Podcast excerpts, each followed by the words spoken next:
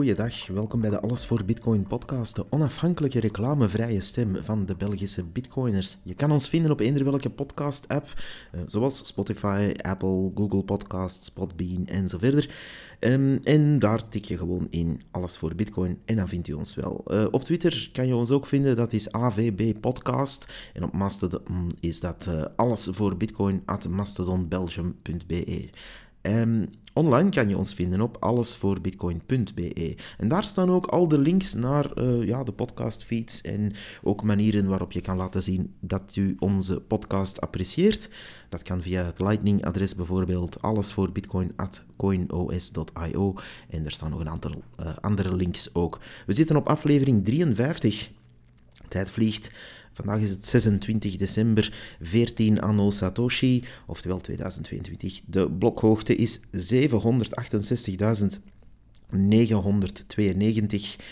1 bitcoin is uh, 16.843 US dollar waard. In de euro's is dat 15.856. En dat is dan ook weer op zich goed voor een uh, 3447 Big Macs. Vandaag hebben we drie ja, blokjes in deze episode. En we beginnen met wat nieuwtjes. En daarna gaan we kijken naar onze hopelijk jaarlijkse traditie om de uh, eindejaarsvraagjes in verband met de Belgische bitcoiners te gaan overlopen. Er zijn een aantal categorieën bedacht. En daar hebben mensen op kunnen stemmen tot uh, daarnet. En dan uh, op het einde gaan we nog een kleine terugblik en vooruitblik doen op uh, het jaar dat voorbij is en het jaar dat komt. En nog een, ja, een klein extraatje of een kleine mijmering, zal ik maar zeggen. We beginnen met de nieuwtjes. terwijl de grote media, die uiteraard geen kans onbenut laten om de bitcoins aan te vallen voor het uh, tv-consumerende publiek. Uh, die zijn natuurlijk de Sam Bankman-Fried saga uh, blijvend aan het opvolgen. En dat wordt ja, eigenlijk wel een, beetje een soap. Want ondertussen is die man weer vrijgelaten op bail. En heeft hij nog een borgsom kunnen ja, storten, al dan niet in liquide middelen. Dus we, gaan, we gaan daar nog wat zien. Um, dus het is ondertussen wel duidelijk dat die man enige bescherming geniet, om het zacht uit te drukken. Um, en dat is natuurlijk wel uh, eigen aan dat soort mensen die als useful idiot worden gebruikt. Uh, dat is geen belediging naar hem toe, maar dat is vooral een term die uit uh, de Koude Oorlog komt. En zo'n useful idiot die is eigenlijk net slim genoeg om iets op te zetten en in een schema mee te starten en ja, een beetje de zaken te kunnen runnen, maar net ook dom genoeg om te zien in welk groter geheel hij meedraait. En die aanval die hier is opgezet, begint toch wel uh, ja, enige contouren te, te laten zien. We, we, kunnen daar een beetje kijken wat daar de grenzen van zijn. En uh, ja, de aanval was eigenlijk zeer simpel. Richt twee of drie grote fake exchanges en projecten op die paper, bitcoin en fake uh, verkochten om de prijs te manipuleren van eigenlijk heel die markt, maar vooral van de bitcoinmarkt. En hierbij gaat men natuurlijk systematische misbruik maken van het gebrek aan regulering. En eens deze zeep zeepbel mooi uh, ontploft. Eigenlijk drie grote zeepbellen die gingen ontploffen. Mooi uh, op de gezette tijden, zes maanden voor uh, de finale teksten van regulering klaar zijn door de grote instanties. Mooi op binnen die termijn laat je dat mooi ontploffen. En zijn er dan een paar mensen die, zoals men dat in Antwerpen zegt, de bonen gefret hebben. die dan uh, met andere woorden met de chacos overblijven of uh, overblijven met de schuld of in de gevangenis belanden of wat dan ook, die eigenlijk misbruikt zijn. We hebben zo'n paar uh, figuren al wel zien passeren, die Dai Kwon en nu Sam Bankman-Fried. De man in kwestie heeft nu uh, zijn ouders trouwens uh, hun riant huis als borg laten stellen voor de borgsom van 250 miljoen uh, dollar. En op die manier kan hij er eigenlijk vanaf komen zonder een cent te betalen. Zelf zei hij dat hij maar 100k over had van die 8 miljard of tot 3 tot 8 miljard. ja, het geeft niet op een miljardje meer natuurlijk. En meer of minder maakt niet uit daar. En ja, dus hij had bijna geen geld meer over, ocharme. En dan uh, ging hij in een zeer uh, beruchte, vuile gevangenis terechtkomen, waar hij dan, ja, denk ik, twee dagen, drie dagen heeft uh, moeten doorbrengen. Ik veronderstel ook dat hij daar niet tussen de uitwerpselen en de ratten heeft vertoefd. Maar goed, we zullen zien wat daar nog verder van komt. Maar die man is dus nu vrij op borg. En nogmaals, mensen, laat u door de DPG Media en VRT Media bende niets wijsmaken. Deze exchange, FTX, die is neergegaan, heeft niets met Bitcoin als protocol of munt te maken. Dit is gewoon ranzige oplichting en marktmanipulatie. En uh, dat kan je met alles hebben eigenlijk. Met euro's, met dollars, maar evengoed met Franse wijn, immobiliën of uh, tweedehands auto's, wat dan ook. Oplichters kunnen altijd wel een manier vinden, zeker wanneer ze in een groter opzet meedraaien. Zeker wanneer ze zomaar eventjes in uh, eind 2018 enkele honderden miljoenen ter beschikking krijgen om een exchange op te richten zonder ooit één ding te hebben bewezen in deze space, in deze branche. Dus uh, dat moet u trouwens maar eens doen in eender welke branche dat u zelf werkt, maakt niet uit wat. Uh, zomaar even zeggen, ah, ik ga hier even voor een paar honderd miljoen een bedrijf oprichten dat daarin werkzaam is, maar ik ken eigenlijk niks van die branche. dat, uh, dus u bent compleet nieuw daarin, bijvoorbeeld, en opeens duikt er iemand op en die wil dat doen. Dus dat, daar, het ruikt gewoon niet goed aan alle kanten. Maar in, ja, in die nieuwscycle hoort natuurlijk ook uh, als tweede item de Binance-perikelen die we de laatste afgelopen weken eigenlijk uh, ook zien. Dat is een beetje ook een fallout van die FTX-saga. Um, ja, Binance, grote exchange die natuurlijk een, uh, laat ons zeggen, niet zo propere rol heeft gespeeld, gespeeld in de neergang van die FTX. En ja, daar, daar is het momenteel goed aan het lopen. In die zin dat de uh, bankrun die daar bezig was om al bitcoin en zo eraf te halen door de mensen die schrik kregen en dingen op de exchange hadden staan. En uh, die, uh, dat afhalen ging op een bepaald moment aan een moordend tempo van 2 miljard dollar in totale waarde per 24 uur dat daar werd afgehaald. Maar die outflow is ondertussen een beetje geminderd, maar Binance ligt nog steeds onder vuur, maar blijft gewoon doordraaien. Dus voorlopig is er van een echte bankrun of het neergaan van Binance nog geen sprake. Ik zeg nog geen sprake, want dat ding staat echt wel zwaar onder druk. Maar het is aan de andere kant wel zeer positief, eh, voor hen dan toch, om te zien dat uh, ja, al de mensen die daar hun bitcoin en andere waarden hebben proberen uit te halen, dat dat toch uh, geen krimp gaf. Gemini is ondertussen ook onder druk gekomen. Ik hoor hier en daar ook dat er meer en meer druk staat op de, ja, de moeder van alle Bitcoin funds, namelijk die eh, GBTC. En eh, GBTC is natuurlijk een fund waar met argusogen naar gekeken wordt, want daar, ja, volgens mij zit daar pas een, uh, een groot hiaat, namelijk enorm veel institutionele beleggers kunnen enkel, toch in de US, enkel daar terecht om bitcoin aan te kopen. En dat fund zit eigenlijk bitcoin zwaar onder de prijs te verkopen momenteel onder de marktprijs.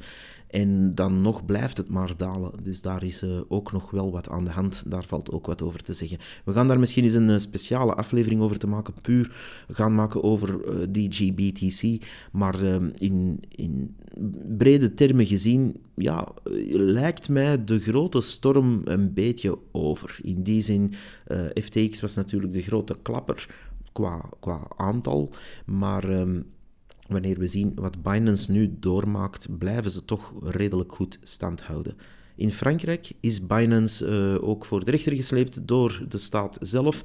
Um, het ging dan vooral over oneerlijke reclamepraktijken in zaken beleggingsproducten en uh, hun aangepaste wetgeving daaromtrent. Dus we gaan zien wat daar dan weer uitkomt. Wat op zich wel vreemd is, want de lobbyisten van Binance die hebben in Europa en zeker in Frankrijk enorm veel macht. Die hebben ook, uh, laat ons zeggen, het handje vastgehouden van sommige wetgevende machten. En ja, die hebben eigenlijk de wetten een beetje naar hun kant zitten trekken, in hun voordeel laten schrijven. En dan nu uh, krijgen zij daar uh, ja, toch wel een beetje tegenwind tegen. Dus dat is, uh, dat is op zich wel iets interessant om te bekijken. Misschien heeft men ook Binance, misschien is die, men die ook beu op dat niveau, ik weet het niet. Um, nu, in ieder geval, uh, Bitcoin-houders hebben hier eigenlijk allemaal geen last van. Echte Bitcoin-houders natuurlijk. Want zij laten nooit hun coins zomaar op een exchange staan langer dan nodig. En zoals ik overlaatst iemand hoorde vertellen op de Bitcoin Embassy, de Belgian Bitcoin Embassy meetup. En uh, de quote was: Een exchange is zoals een publiek toilet. Je gaat er even binnen, doet uw ding en dan ga je weer naar buiten. En eigenlijk uh, ja, is dat wel een mooie vergelijking. Uh, een exchange, ja, als je daar je coins eventjes opzet om wat dan ook te traden of om te ruilen en die omruiling is gebeurd, ja, dan haal je de dingen daar terug weg en dan ga je, dat, dan ga je er terug buiten. Dus uh, in dat geval uh, zou ik zeggen, gebruik dat ook op die manier. Als u al een uh, gecentraliseerde exchange gebruikt, welke dan ook, dan zou ik sterk aanraden om uw coins daar niet zomaar te laten staan, dagen, weken, maanden aan een stuk, laat staan jaren. Want ja, zie FTX, zie Mt. Gox, zie zoveel andere. In ieder geval, ik heb dus het gevoel, maar dat is maar puur mijn gevoel, want ik heb natuurlijk een uh, clownsneus op, zoals iedereen weet.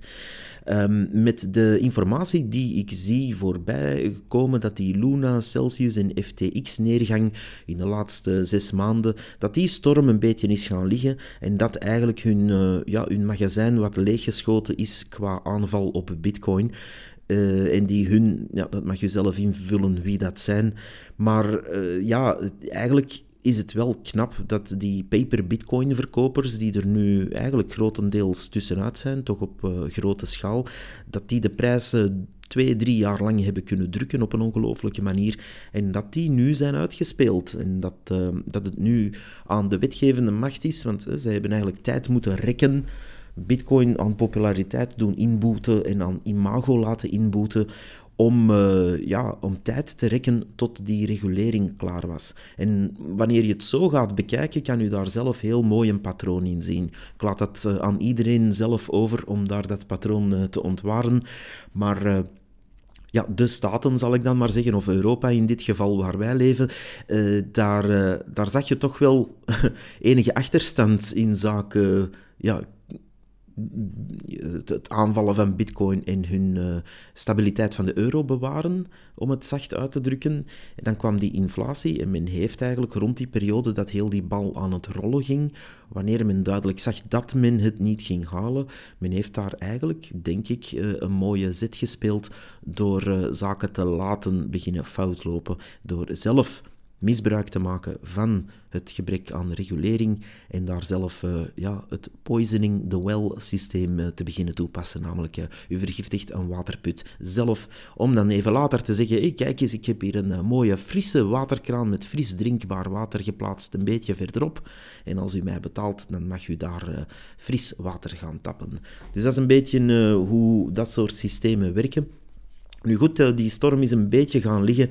Die uh, paper bitcoin verkopers die, uh, ja, die kunnen nu de prijs niet langer op die schaal drukken. En wanneer we kijken naar het uitbreken van deze veldslag, zal ik maar zeggen, dan zien we dat bitcoin aan het begin daarvan, rond 7 mei, toen Luna Terra begon neer te gaan, stond de, de bitcoins, stond bitcoin op 35.400 dollar op 7 mei, net dus voor die Luna neerging.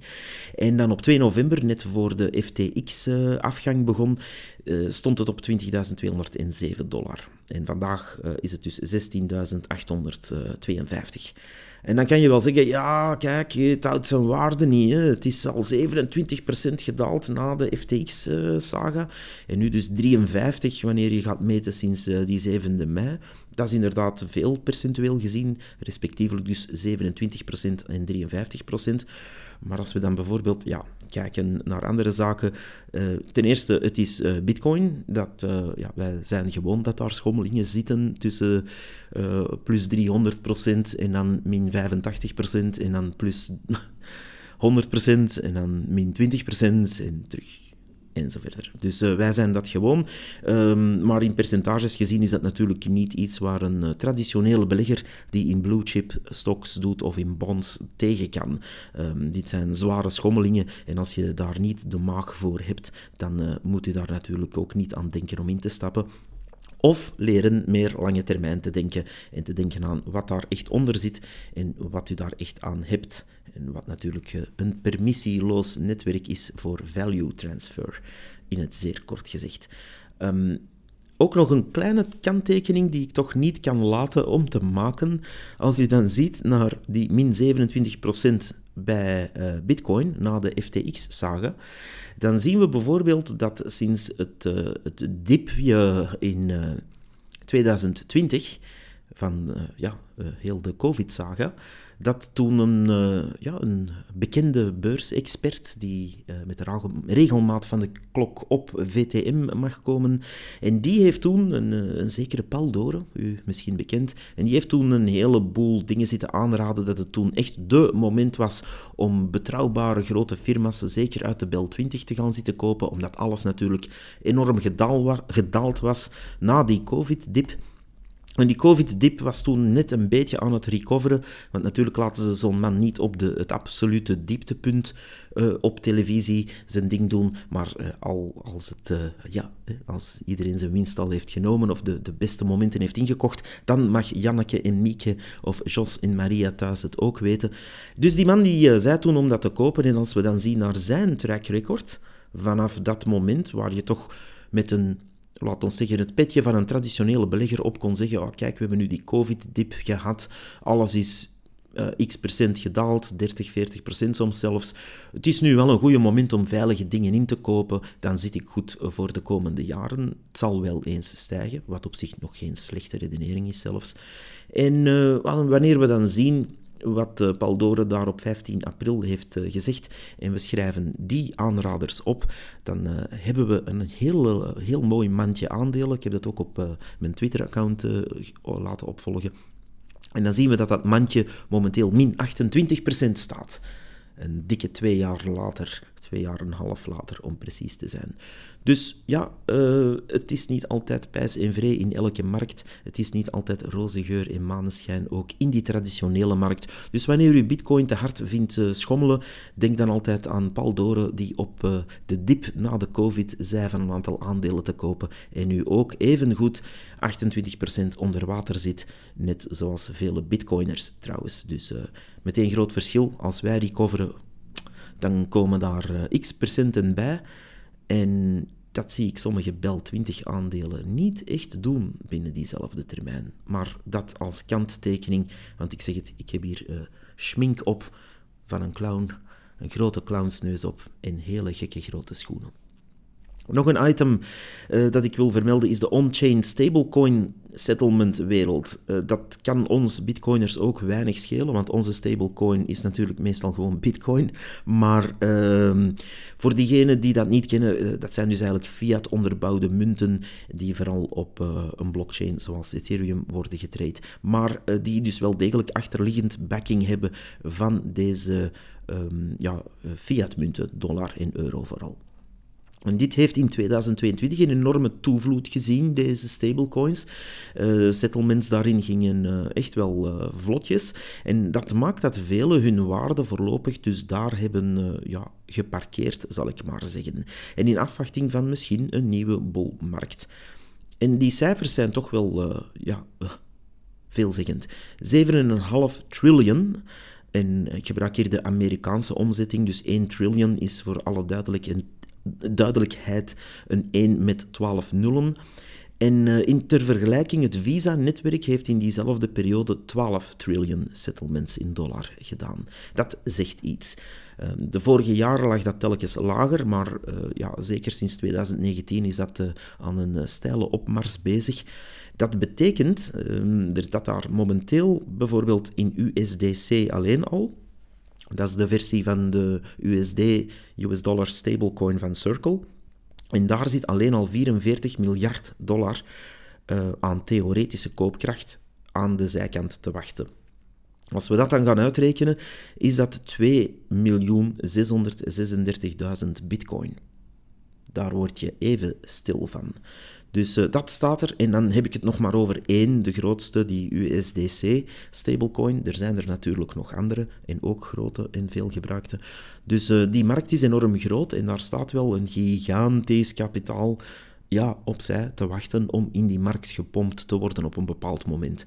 Nu, je kan ook zeggen, ja, maar als iedereen dat dan afhaalt, dan wordt dat toch niet meer in de markt gepompt. Ja, en als er een meteoriet morgen neerstort op de aarde, dan zijn we er ook allemaal aan. Dus die what if, what if, uh, moeten we daar niet gebruiken. Dit is gewoon de cijfers, u denkt daarvan wat u wil.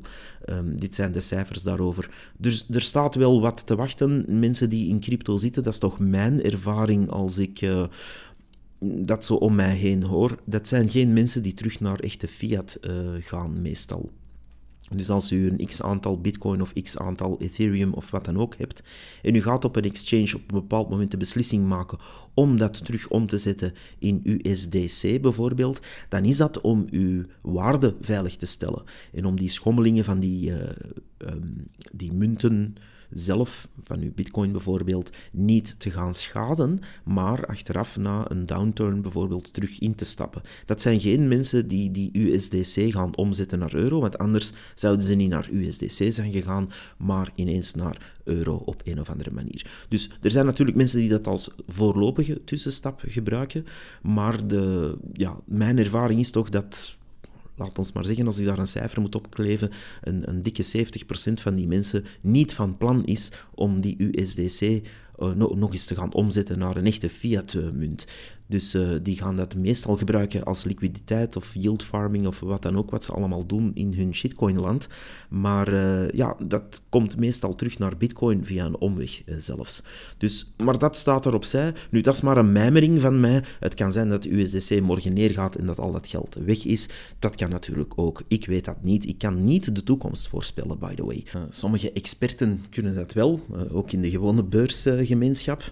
Maar uh, ja, ik kan dat dus niet. Dus ik heb geen glazen bol waarin ik uh, kan voorspellen wat uh, Ageas, Telenet, Proximus allemaal gaat doen volgend jaar. Ik kan dat evenmin met Bitcoin. Dus dat laat ik over aan die echte mainstream media-experten die ja, een mooie glazen bol opglimmen deze dagen en dan in de toekomst kunnen kijken. Uh, nog een nieuwtje. Er zijn uh, Bitcoin trading cards uitgekomen. Nu, dat is, dat is wel iets grappig. Dat is uiteraard weer een limited edition collectors item. Maar voor de echte diehard Bitcoiners die echt met hun geld geen blijf weten, zou ik zeggen: ga naar btc-tc.com. Ik ga dat ook in de show notes erbij zetten. dat staat natuurlijk voor BTC Trading Cards. Dus btc-tc.com. En daar kan u die kopen. ja, de, de tekeningen erop zijn van bekende Bitcoiners. Uh, en ja, er zijn er, uh, er zijn er zeer mooie bij. Er zijn ook eh, DCA-cards en zo verder. Dus dat is een beetje voor de mensen die dat kennen, Magic the Gathering-achtige trading cards. En ik vermoed dat die toch wel enige waarde zullen hebben in de toekomst. Ik vermoed dat maar. Um, ze zijn limited edition. Ik dacht dat er duizend pakjes van waren of zoiets. U kan dat allemaal lezen op die hun website. ik heb het ook nog maar net ontdekt. Ik vind het uh, zeer knap eh, geschilderd en zeer knap gemaakt allemaal. En ik ben een beetje iemand die uh, trading cards wel leuk vindt, dus vandaar dat het me opviel. Um, en dan nog een laatste nieuwtje, de LastPass hack. LastPass zit onder de vleugel van Twilio, een company die ik zelf nu niet echt zo hoog in het vaandel draag, maar goed. En die mensen zijn gehackt in, in augustus al maar hebben altijd beweerd dat de password vaults eigenlijk niet geraakt worden. Dus de kluizende paswoorden, dus, uh, ja, de echte de paswoorden van de gebruiker zelf niet geraakt of gelekt waren. Blijkbaar uh, is dat toch gebeurd. Hebben ze een of andere backup toch te pakken gekregen, de hackers. En uh, die paswoorden ja, kunnen dus gebrute forced worden. Waar dus voor de mensen die dat niet kennen, iemand lokaal, een hacker dat lokaal kan draaien, die database die database is wel geëncrypteerd en dan kan men bijvoorbeeld zeggen, kijk, van deze gebruiker ga ik nu eens alle paswoorden nemen. Die zijn wel geëncrypteerd, dus ik kan daar niks mee doen, maar nu ga ik daar een, eh, een hele dictionary, een custom dictionary, daarop uh, loslaten. Dus men gaat daar eigenlijk een, woordenboek aan... Uh, paswoordlijsten op loslaten om uh, in de hoop natuurlijk om dat te kunnen kraken. Als u daar een uh, makkelijk paswoord op hebt gebruikt, uh, bijvoorbeeld iets onder de 16 karakters, dan is de kans dus groot dat heel uw paswoordkluis wordt gekraakt. En het hangt er natuurlijk vanaf wat daarin zit. Op zich heeft dat weinig met bitcoin te maken, zou u kunnen zeggen, maar u wil niet weten hoeveel bitcoiners of andere mensen die waarde op een of andere blockchain hebben staan, toch hun paswoorden of in 24 seedwords of wat dan ook gaan storen op zo'n LastPass in de cloud. Doe dat niet, mensen. het blijft een cloud service. Dat kan allemaal gehackt worden, vroeg of laat. Um, als u het er dan toch al op zet, ga dan uh, met een eigen encryptie werken, waar je een, een eigen encryptie-algoritme daarop loslaat in een tekstfile.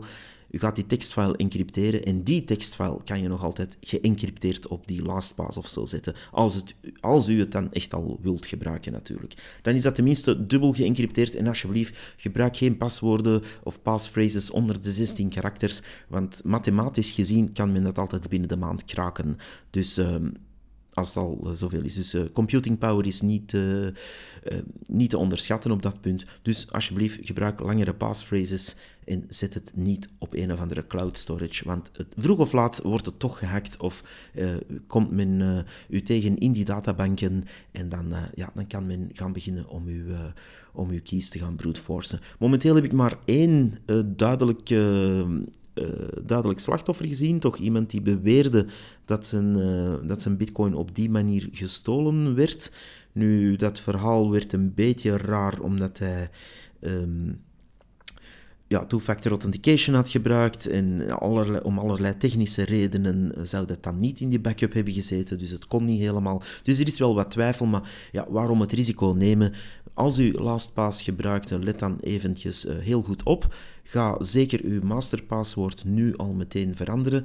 En uh, zorg ervoor, moest u toch uw key phrases of uw uh, seed phrases daar hebben opstaan als bitcoiner, verplaats uw bitcoin gewoon naar een clean, nieuwe wallet en, en begin opnieuw. Eh, het is het risico niet waard, zou ik zeggen, om te wachten tot die hackers eventueel uw seed phrase te pakken hebben via LastPass. Natuurlijk kan u ook gewoon kiezen om LastPass in het vervolg links te laten liggen. Eh, er zijn dingen zoals um, Bitwarden en KeyPass, waarmee u dat ook allemaal lokaal kan draaien en lokaal kan bijhouden, die, uh, die paswoorddatabase. Uh, dus dat is misschien wel een aanrader. En dan gaan we nu naar de prijsuitreiking, wel virtuele prijsuitreiking van de eindejaarsvraagjes. Ik had uh, voor de lol een paar uh, vraagjes gesteld aan de bitcoiners, aan de community via onze Twitter-account. En we gaan uh, deze categorieën even overlopen. er is geen groot podium, niemand staat hier in smoking. we hebben ook geen orkest om erbij te spreken. We hebben ook geen stand-up comedian om er grappen tussen te gooien. Maar misschien kan dat ooit wel eens komen. Misschien nog een ideetje om op een of andere meetup echte prijsuitreikingen te doen rond dit thema. Maar goed, uh, we zullen het moeten doen met wat we hebben. De eerste categorie is de Belgische shitcoiner van het jaar 2022. En in die, uh, in die categorieën uh, zagen we, even kijken, Quinten François, Charlotte van Brabant, Pieter Aarts en Gwen Busseniers. En tromgeroffel, de Belgische shitcoiner van het jaar 2022 is Quinten François met een overweldigende meerderheid verkozen. En ik kan dat uh, alleen maar bijtreden. Uh, ja, proficiat Quinten. Uh, ja, het is toch moeilijk om, om echt de shitcoiner van het jaar te zijn in België. dat vraagt natuurlijk veel denkwerk en, en, de nodige gokjes doen op absolute garbage tokens die dan worden gedumpt de dag nadat hij er reclame voor maakt. Ik zou zeggen, ja, dat verdient, dat verdient toch wel een applaus. Um, Absoluut. Uh, maar goed, uh, dat, uh, ja, volgend jaar doe zo voort, zou ik zeggen. dat, dat levert heel veel kliks op en heel veel likes. Um, dan de tweede categorie was de Pro Bitcoin Evangelist of the Year 2022. En daar hadden we Michael Saylor, Jack Mallers, Nick Carter, Jack Dorsey, Tone Vase, Bitboy Crypto en Elon Musk. Um, en daar met een nipte meerderheid is uh, Jack Mallers dat geworden. En die, uh, ja, dat is natuurlijk uh, ja, proficiat, want die pro-Bitcoin evangelists hebben we echt wel nodig. Op de tweede plaats stond trouwens Michael Saylor, dus dat, is ook, dat is ook een dikke proficiat. En dan komen we bij de derde categorie, toch een beetje ja, een, een spannende, Wallet App of the Year. Um, daar was de keuze tussen Moon, Phoenix Wallet of Satoshi, Blue Wallet, Blixt, Coinbase, de KBC Home Banking en Revolut. En daar uh, is het een, uh, een, ja, een tiebreak geworden eigenlijk, want daar heeft Moon en Phoenix allebei evenveel uh, votes. En dan ga ik eigenlijk persoonlijk mijn voorkeur, want mijn stemmen zaten er nog niet bij, die ga ik er uh, niet bij gooien, maar ik, ja, ik ga de uitslag niet vervalsen. Moon en Phoenix hebben allebei gewonnen. Uh, mijn lichte voorkeur gaat hier uit naar Phoenix, maar goed. Uh, proficiat aan die twee wallets, ze zijn allebei op hun manier heel goed. En dat, uh, dat verdient uh, ja, toch ook een bloemetje, zou ik zeggen. En dan hebben we de Stablecoin of the Year 2022. En daar was de keuze tussen USDC, UST, USDT, DAI, Bitcoin, Euro, Luna, Katecoin. Um, ook proficiat aan die ene maloot die op Luna heeft gestemd, by the way. en daar is de overgrote meerderheid voor Bitcoin gegaan. Woehoe! Bitcoin is dus onze stablecoin. Zo weten we dat ook weer. En dan de internationale shitcoiner van het jaar. En daar was de keuze tussen Anthony Yakovenko van Solana, uh, de Toma Doge founder, een anoniem iemand, Richard Hart van uh, Pulse Chain en Hex, Sam Bankman-Fried van FTX en FTT Token en Vitalik Buterin van uh, Ethereum 2.0 en Ethereum uiteraard. En daar ook weer met een overweldigende meerderheid gewonnen. Sam Bankman-Fried, ja, toch uh, verdiend, heel verdiend uh, gewonnen uh, als shitcoiner van het jaar. Dan hebben we ook nog een categorie, de beste Belgian Bitcoin Embassy Meetup Place van het jaar. Daar kon je kiezen tussen het Bun Restaurant in de Volksstraat, Bun Restaurant aan het Mas, Den Bengel en de Via Via. Uh, spoiler, die laatste heeft nul punten gekregen. en de winnaar is... Bun Restaurant aan het Mas. Ja, toch ook uh, mijn persoonlijke favoriet van allemaal. Dus uh, verdiend gewonnen, denk ik.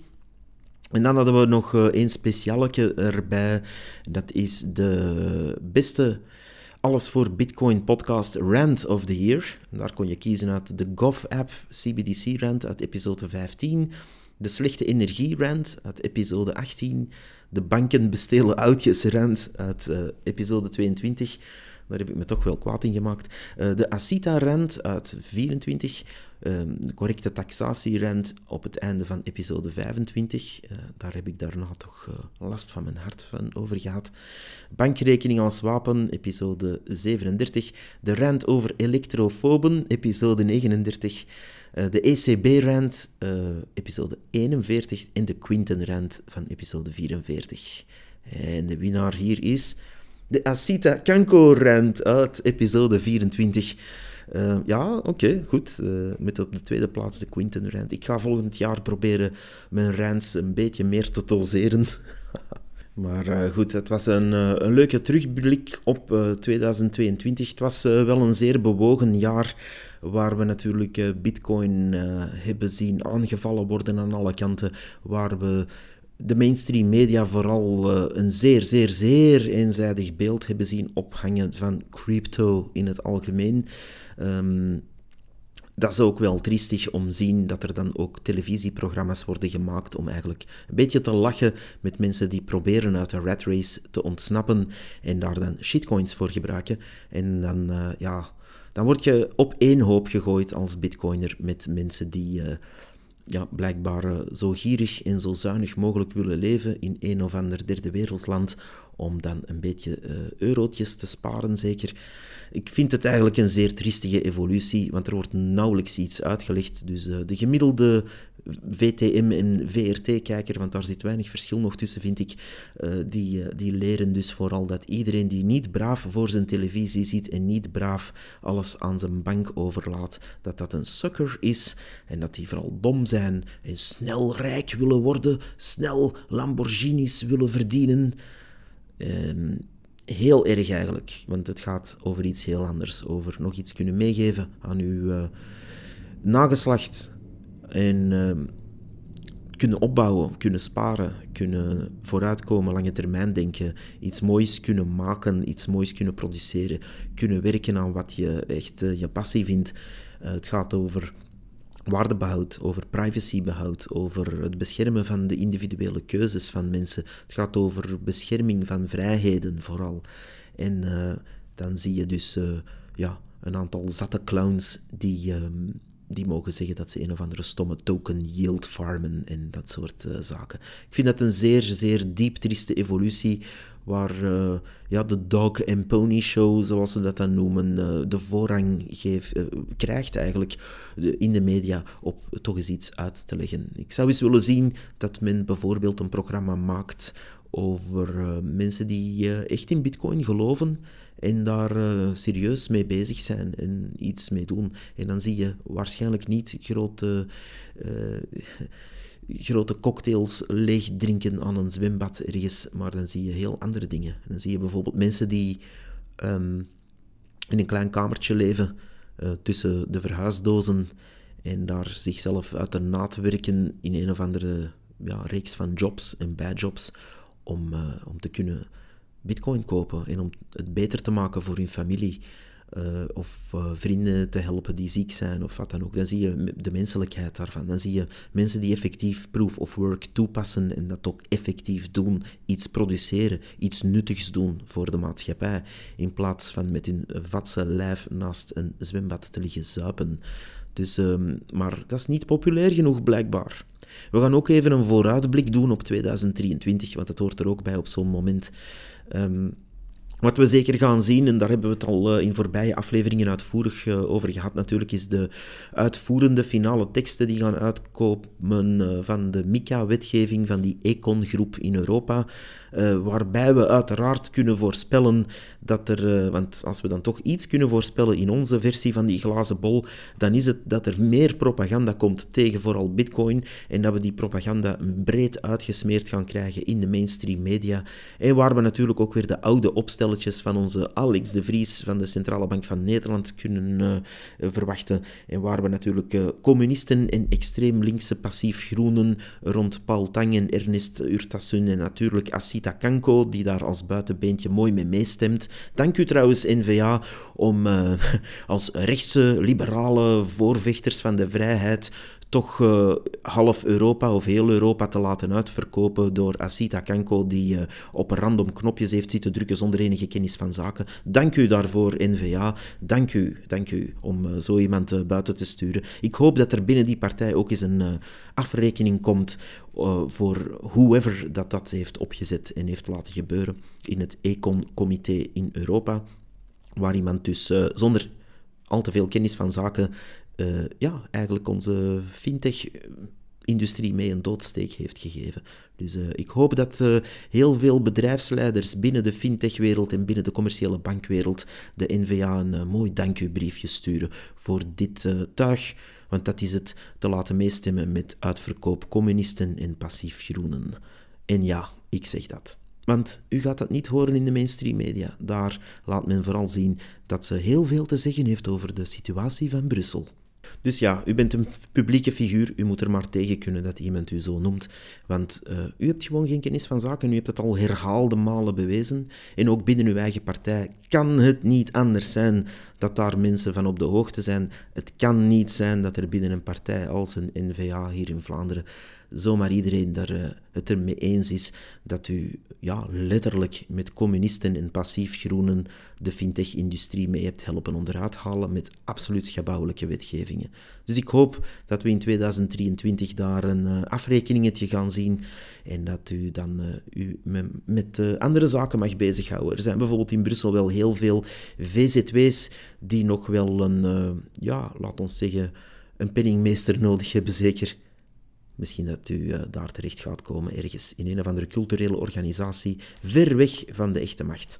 Wat we dus ook gaan zien in 2023 is een toenemende druk op onze vrijheden uh, van uh, fingerprint scans als u nog een e-ID wilt. Ehm, dank u trouwens Jan Jan Bon, nog iemand van diezelfde partij, die blijkbaar de basisprincipes van vrijheid en individuele menselijkheid gewoon ja, aan zich uh, laat voorbijgaan en zegt van, ah ja, maar wie zijn fingerprint niet geeft, uh, die kiest voor de illegaliteit. Ik hoop dat u ook eens mag kiezen voor iets anders. Uh, letterlijk dan. Dat, uh, ja, dus die privacy opgeven hoort daarbij, uh, zowel bij de bankgemeenten of waar je ook winkelt. De wetten die klaarstaan in 2023 zijn duidelijk in één richting aan het gaan. Men wil onder andere cashgeld zo moeilijk mogelijk maken voor de gewone burger. Dat zie je ook aan het uh, gebrek aan cashautomaten natuurlijk.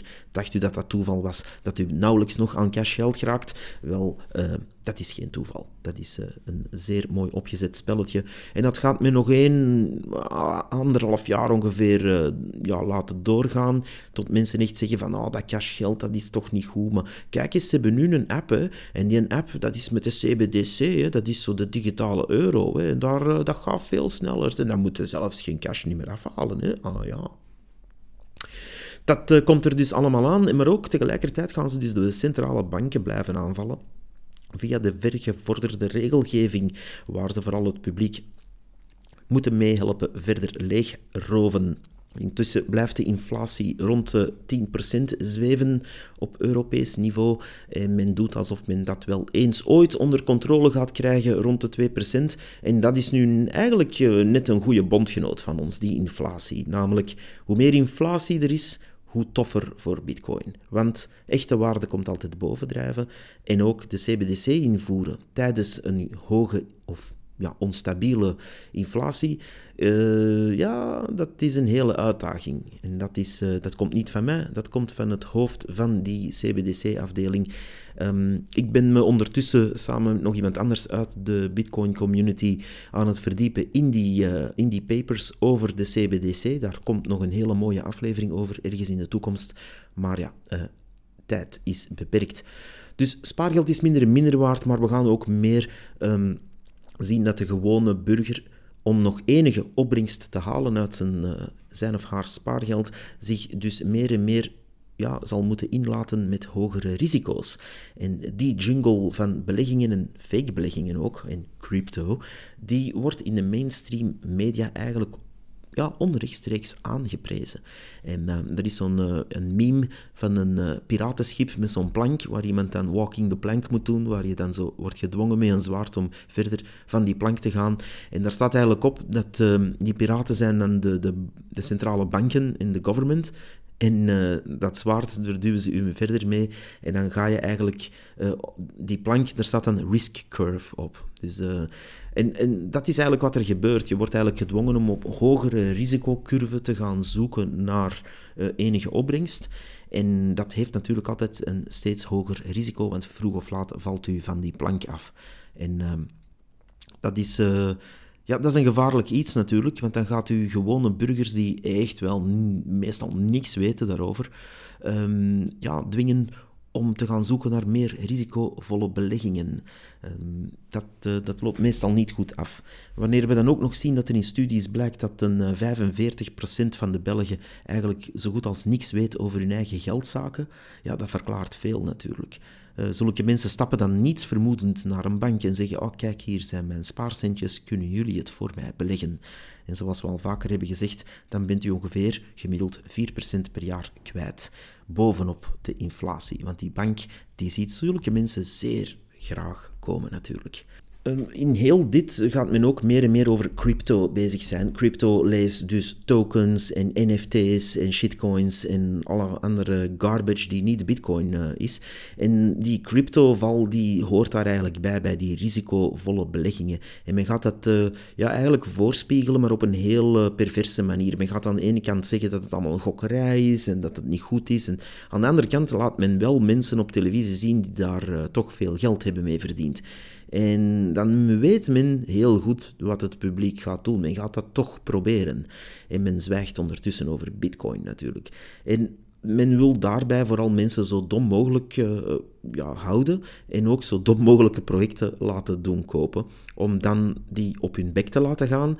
En ja, dan zijn ze hun lesje wel geleerd hoor.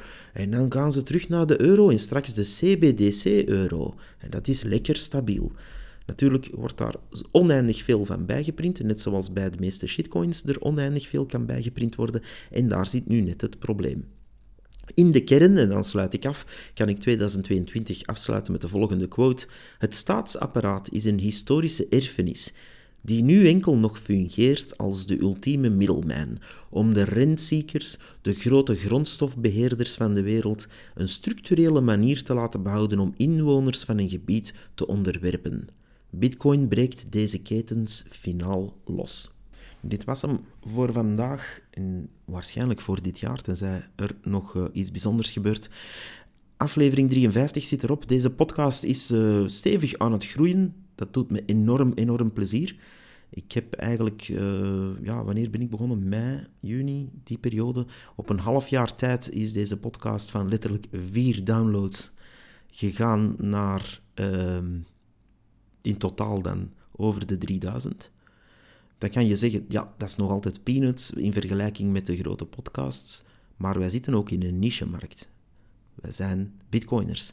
En bitcoiners een stem geven kan ook door gewoon een podcast te beginnen en gewoon te zeggen, hey kijk, uh, we gaan hier even wat er leeft in de community, wat er aan nieuws is, brengen. En ik roep hierbij mensen op van, blijf niet gewoon zitten, doe iets in deze community. Als u iets kan bijdragen, als u over iets iets weet, als u echt iets kan doen, doe dat, werk samen. Um, het heeft echt geen zin om tegen elkaar op te boksen of elkaar als concurrentie of wat dan ook te zien. We moeten echt samenwerken, want eh, ja, Bitcoin is één grote wereldwijde munt. Het heeft geen zin om, zoals in de fiat-wereld, elkaar te zitten uh, proberen afmaken en te zeggen: ah, maar ik, ik neem luisteraars of klanten af van u of wat dan ook. En ik vind het heel knap om te zien uh, dat, dat er een, een goede spirit is in de, in de Bitcoin-wereld, zeker uh, in België. Ik weet niet hoe dat in Nederland zit. Ik vermoed dat dat daar ongeveer wel hetzelfde zit. Dus dat ziet goed en ik zie dat er samenwerking is. We zien ook bij de, bij de Bitcoin-meetups die er gebeuren dat er steeds meer volk afkomt, dat er ook mensen naar buiten durven komen en zeggen: hey, ik ben ook pro-Bitcoin. Ik kom uit die of die branche, maar ik, ik ben er ook. En het zijn mensen uit eender welke sector en dat is echt plezant om te zien. Um, ga er nu geen noemen, want dat is niet nodig, maar echt zeer verscheiden. En als u niet technisch bent, want ja, soms wordt het een beetje een technische discussie natuurlijk, maar als u niet technisch bent, dat is ook fijn. Um, join us, zou ik zeggen. Want dit gaat over veel meer dan snel rijk willen worden met de crypto of de bitcoin. Dat laat die mainstream brabbel gedoe voor hen. Want daar gaat het gewoon niet om.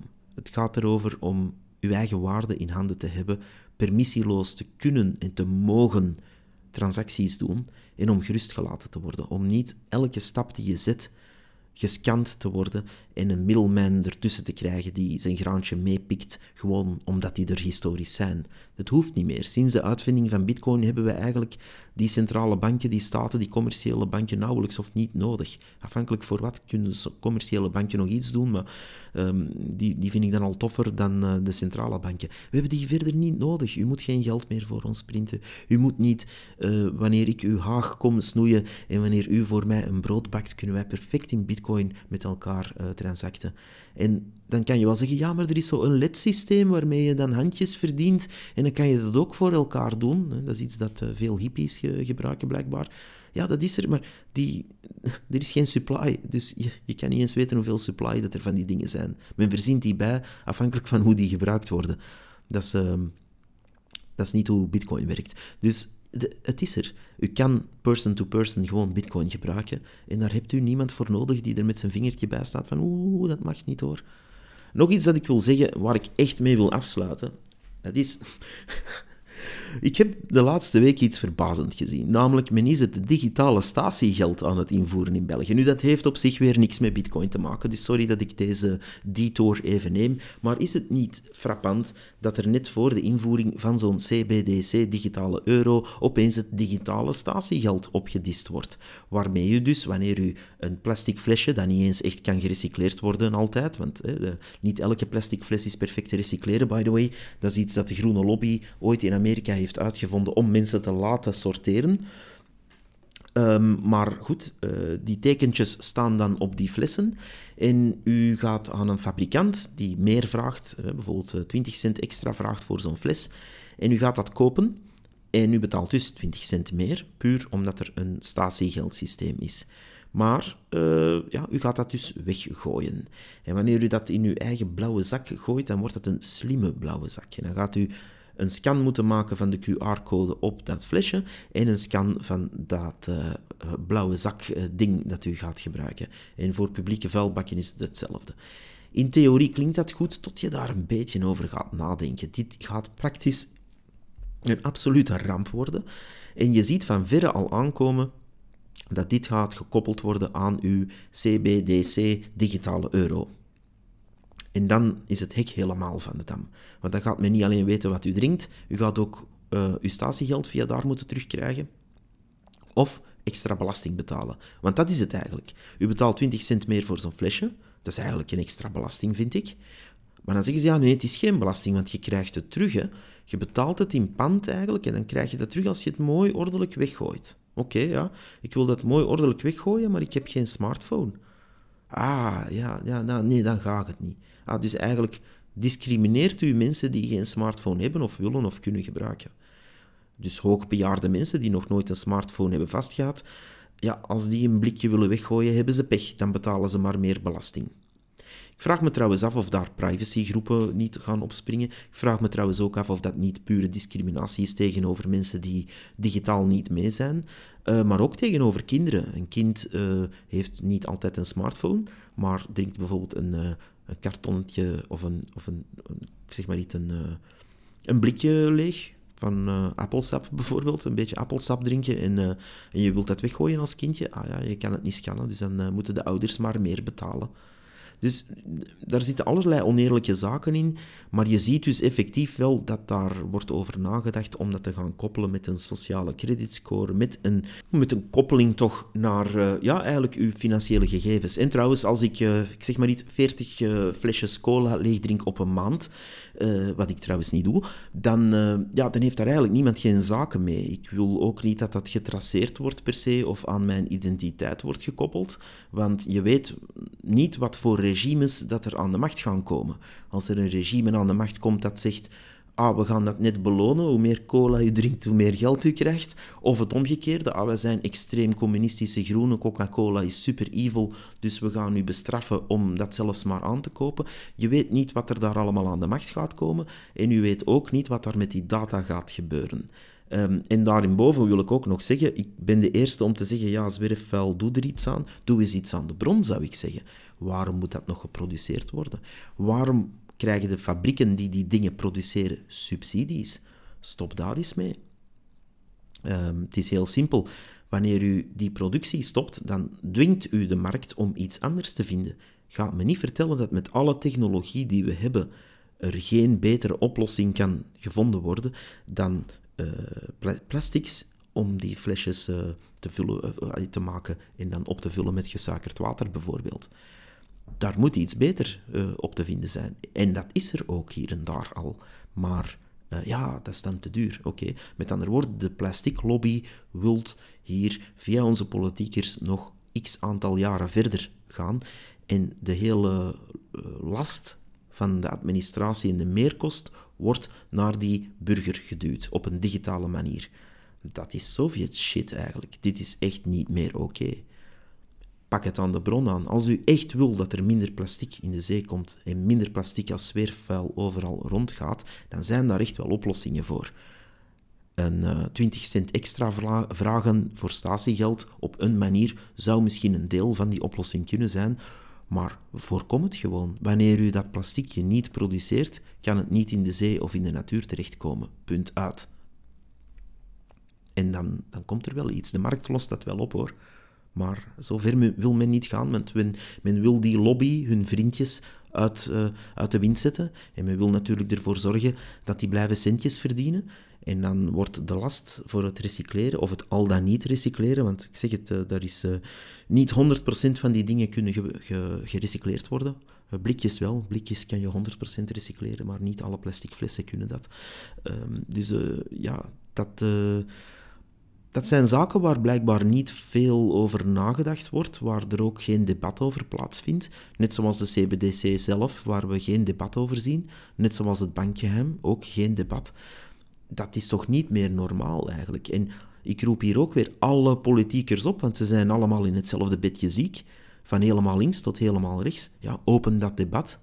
Kom aan, jongens. Uh, Vlamingen kijken gemiddeld 4,5 uur televisie per dag, wat gigantisch veel is, by the way. Qua ecologische impact wil ik het ook niet weten wat dat kost. maar in die 4,5 uur zit er dan nooit eens iemand die zegt: hey, kijk, ik wil een debat op zijn minst een kwartiertje doen over het invoeren van het digitale statiegeld. En dan, als men al een debat doet, dan komen er eigenlijk twee voorstanders. Eentje die, uh, laten we zeggen, heel groen links is, en een andere die, laten we zeggen, um, van de plastiklobby is. Nou, dan ga je niks nieuws leren natuurlijk, want eigenlijk zeggen die mensen hetzelfde. Want die zijn bezig over de uitvoering van hoe dat statiegeld moet gaan uitgevoerd worden. Dat is al men gaat voorbij aan de bron, men gaat voorbij aan waar het eigenlijk over gaat. Wilt u nu eigenlijk echt plastic helpen voorkomen om in de natuur terecht te komen? Oké, produceer het niet, stop ermee. De zeeën zitten vol plastic. Jawel, ja, stop ermee om dat te produceren. Ah ja, maar oei, dan hebben we een maatschappelijk probleem. Want dan, oei, ja, wat gaan we dan doen met al die flesjes die moeten gemaakt worden en heel die plasticlobby en al die mensen die erin werken? Ah ja, ja, dat is een andere vraag inderdaad. Maar de core blijft. Wil je het voorkomen of wil je proberen uh, de mensen blijven wijsmaken dat dat kan gerecycleerd worden allemaal en dat ze dan maar een uh, ding moeten scannen? Ik, uh, ja, ik ben er tegen. In die zin, ik vind het goed dat men een vorm van statiegeld gaat inlassen. Ik zou dat helemaal anders doen, maar goed, ik, ik ben niet aan de macht, dus het heeft geen zin hoe ik dat zou doen. Het heeft geen zin dat ik dat hier uitleg. Maar um, er zijn betere oplossingen, dat is sowieso waar. En misschien, misschien kan dit digitale statiegeld al een, kleine voorproef, een klein voorproefje geven aan de mensen van wat er allemaal gaat gebeuren wanneer die digitale euro wordt ingevoerd. Dan gaan we zien dat er meer van die fratsen gaan komen. En misschien wel als u een hond hebt, hè, uw, uw, brave viervoeter, uw trouwe viervoeter, misschien moet u daar wel op het achterwerk van die hond achterin een eh, QR-code laten tatoeëren, om uh, als die hond zijn gevoeg gaat doen, eerst die QR-code te gaan scannen met een speciale government app. Om te zien of dat u, wel uw hond is. En uh, als die hond dan een uh, kakje heeft gedaan in een zakje, dan gaat hij ook uh, de QR-code van dat zakje scannen. Hè, en dan knoopt hij dat zakje mooi dicht. En dan gaat hij dat deponeren in een publieke vuilbak, waar u natuurlijk ook eerst de QR-code van moet scannen. En dan wordt dat zakje gewogen door die slimme vuilbak. En dan krijgt u de rekening gepresenteerd. Meteen gaat dat van uw credits in uw CBDC Government Wallet. En dan uh, zijn we allemaal in een betere wereld terechtgekomen. U kan er ook nog een, uh, een NFT van Studio 100 bij kopen uh, van Samson en Gert. En dan bent, u, dan bent u helemaal modern, dan bent u helemaal mee. Goed, ik ga hier afsluiten, want ik ben helemaal aan het ramblen. Ik dacht dat dat nog een mooie afsluitrand was van het jaar 2022. Ik zou zeggen, sorteer uw afval en tot de volgende. Bye bye.